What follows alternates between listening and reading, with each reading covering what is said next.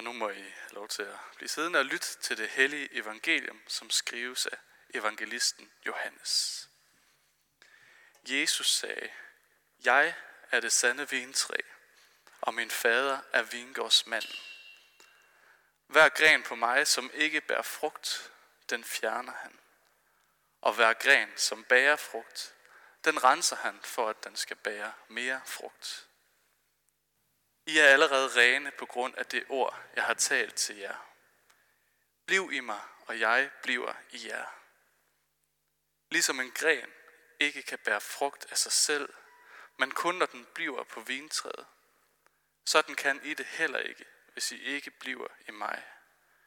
Jeg er vintræet, I er grenene. Den, der bliver i mig, og jeg i ham, han bærer mig en frugt. For skilt fra mig kan I slet intet gøre. Den, der ikke bliver i mig, kastes væk som en gren og visner. Man samler dem sammen og kaster dem i ilden, og de bliver brændt. Hvis I bliver i mig, og mine ord bliver i jer, så bed om, hvad I vil, og I skal få det. Derved herliggøres min fader, at I bærer mig en frugt og bliver mine disciple. Som faderen har elsket mig, har også jeg elsket jer. Bliv i min kærlighed. Hvis I holder mine bud, vil I blive i min kærlighed.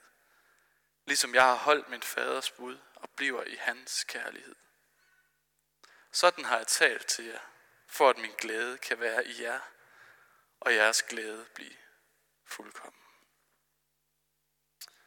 Og gode Gud, vi beder dig om, at du må åbne vores hjerter og ører, så vi kan høre lige nøjagtigt det, du vil sige til os i dag. Det, som vi bare må og skal høre, men vi ikke kan sige os selv. Amen. Jeg har en svigerfar, som på rigtig mange måder har langt grønnere fingre, end jeg nogensinde får. Jeg tror nok, at jeg en enkelt gang før har fortalt om, at alt grønt, jeg får ind derhjemme, det formår jeg at slå ihjel. Min svigerfar, han har det lige omvendt. Han kan vække selv helt visne, sorte, døde planter til live, med en lille smule kærlighed og, og godt håndlag. Og derhjemme, der har min svigerfar efterhånden fået sig en ret stor have og en ret stor køkkenhave. Og her i den her have, der har han ikke bare et, men tre-fire vintræer. Og hvis der er noget, jeg så har lært, når jeg har fået lov til at hjælpe til i haven hos min svigerfar, så er det, at vintræer, dem skal man helst holde sig fra, hvis man ikke ved, hvad man laver. Og de kræver faktisk mere kærlighed og mere arbejde end de fleste andre planter.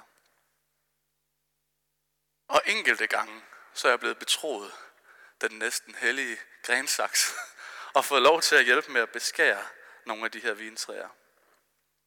Og de fleste gange, der min svigerfar kom ud og kiggede på mig og spurgte, om jeg overhovedet er gået i gang, når jeg troede, jeg var færdig. For der skal virkelig skæres meget væk. Og det er som om, man næsten skal blotte grenene og stammen helt, for at vintræet den kommende sæson overhovedet har en mulighed for at bære frugt. Og det er jo ikke os alle sammen, der har et vintræ i haven derhjemme. Men for de her mennesker, der har hørt lignelsen på Jesu tid, der var det at arbejde med vintræer en fast del af en helt almindelig hverdag. Faktisk så boede der stort set ikke et menneske i Israel, der ikke på den ene eller anden måde var involveret i arbejdet med vintræer og vingård. De vidste alle og en nøjagtigt, hvor ofte og hvor meget surt arbejde, der lå i at kravle rundt med knæene i jorden og beskære grene og træer en efter en. Men de var nødt til det. For det at have vintræer og druer og vin, det var en helt essentiel del af deres overlevelsesmuligheder. De fik både saft og vin fra druerne, og det var værdifuldt i et land, hvor det alt for ofte var for varmt, for meget sol og alt for lidt regn. Hvis druerne på deres planter, de så oven i købet blev gode, og vinen derefter, så kunne de flere år leve af at sælge den her vin. Og hvis man var gået en tur igennem Israel på det her tidspunkt, så ville man støde på en vinmark næsten lige meget, hvor man så hen. Og det var så gængs en produktion at, og en levevej, at jeg da næsten ikke tror, at der findes noget i dag i Danmark, der kan sammenlignes med det. Måske i gamle dage kunne det sammenlignes lidt med kartoffelmarker og kornmarker. Men de har alle sammen forstået, hvad Jesus han snakkede om, da han snakkede om vintræer. Og billedet her, det har både været smukt og forståeligt, og også brutalt, og måske faktisk en anelse skræmmende. For hvem i alverden har lyst til at være den golde, visne gren, der ikke giver frugt? Hvem har lyst til at være den gren, der visner, dør, og som Jesus siger, ikke kan bruges til andet end at kaste i flammerne? Og måske så sker det også i nogle af os i dag, når vi hører lignelsen, at vi begynder at kigge ind og kigge på vores eget liv og, og overveje, hvor meget frugt bærer vores liv egentlig. Gør jeg nok for andre mennesker? Er jeg til stede for min familie? Slår jeg til på arbejdet? Har jeg overskud nok? Ser jeg godt nok ud? Eller er der overhovedet nogen, der i bund og grund kan bruge mig til noget som helst? Men jeg tror egentlig, at det er en del af vores helt menneskelige grundangst, der gør, at vi hører sådan en lignelse som den her på den måde. For det er virkelig et helt andet og fantastisk og frisættende budskab, der er i dagens lignelse. For det skønne ved billedet med Jesus som vintræet og os som grenene, det er, at ligesom det er med et vintræ i virkeligheden, så er det ikke sådan, at vi kan kigge på vores eget eller andres liv og på forhånd vurdere, hvor meget eller lidt frugt vi hver især vil komme til at bære. Det er ikke vores opgave at rende rundt og pege ud, hvem der efterhånden ligner en gold og visten gren. Heldigvis. Det er ikke vores opgave at pege dem ud, vi ikke kan bruge til andet end at brænde på bålet. Måske er det væsentlige i lignelsen i billedet her i virkeligheden, at vintræet og grenene de hører uløseligt sammen. Uden stammen, så er grenene ingenting. Men stammen er heller ingenting uden grene. Så er den heller ikke andet end et stykke ubrugeligt træ, man lige så godt kunne brænde. Og sådan er det jo i virkeligheden også i vores verden i dag, at vi som mennesker hænger uløseligt sammen. Vi både lever i og ofte er fællesskaber af den ene eller anden art.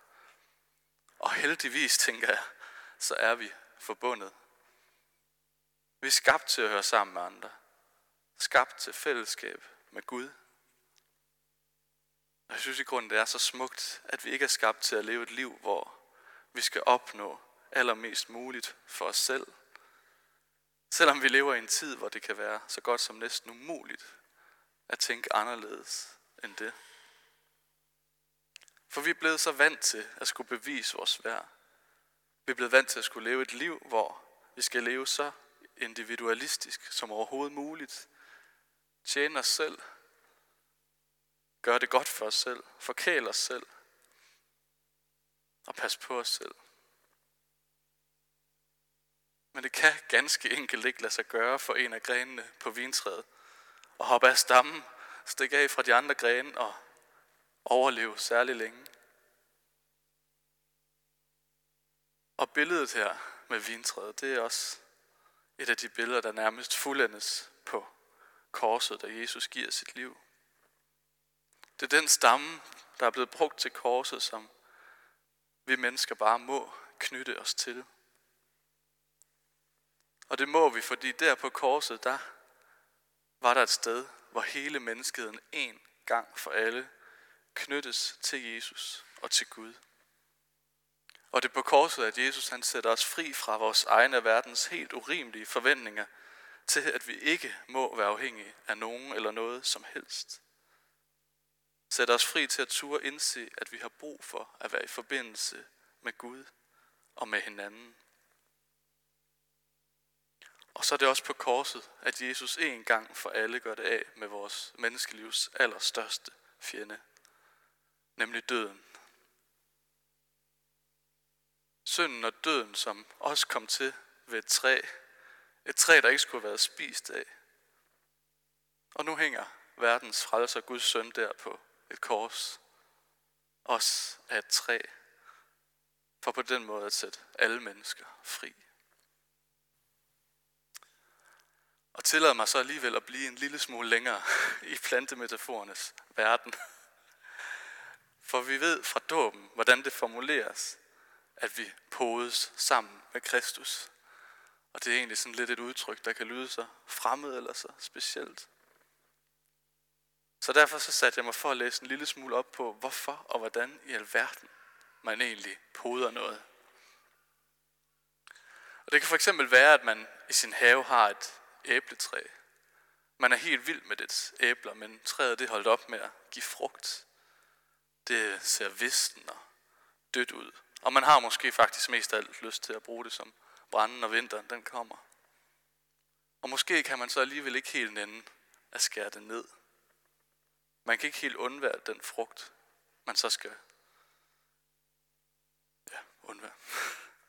Og i sådan tilfælde, så kan man faktisk, hvis man skærer nogle af de nyeste skud på træet fra, Skærer dem fra og skærer hul i en gammel, stor, stærk stamme, putte dem ind i, og i løbet af faktisk ganske kort tid, år, så kan man opleve, at de gamle grene de får saft og kraft fra den nye stamme til igen at sætte god frugt. Og måske er det også her, at vi kan drage en lignende parallel til os mennesker. Af og til, at alt for ofte, så har vi sikkert lagt vores identitet og liv i hænderne på noget eller nogen, der ikke formår at bære det. Og måske er det virkelig en tid til at blive podet om. Tid til at få lov til at suge saften og kraften fra en, der allerede har kæmpet den gode kamp for os. En, der vil, at vi skal glædes. En, der elsker os ubetinget og grænseløst. Og en, der har noget at bruge lige nøjagtigt os til. Og det er sådan et gensidigt forhold, hvor begge parter er dybt afhængige af hinanden. Træet, Gud, der er nyttesløs, hvis det ingen gren har, og også grenene, der ikke kan bruges til noget, hvis vi ikke kan suge kraft fra den rigtige kilde. Og når vi bliver podet ind og bliver en del af Guds sande vintræ, som det lyder, så får vi også samtidig del i Guds kærlighed, Guds glæde, og forhåbentlig så får vi lov til at mærke, at vi midt i vores utilstrækkelighed bliver set på som evigt værdifulde. Og vi får lov til at suge af den kraft, vi ikke selv kan finde frem. Amen.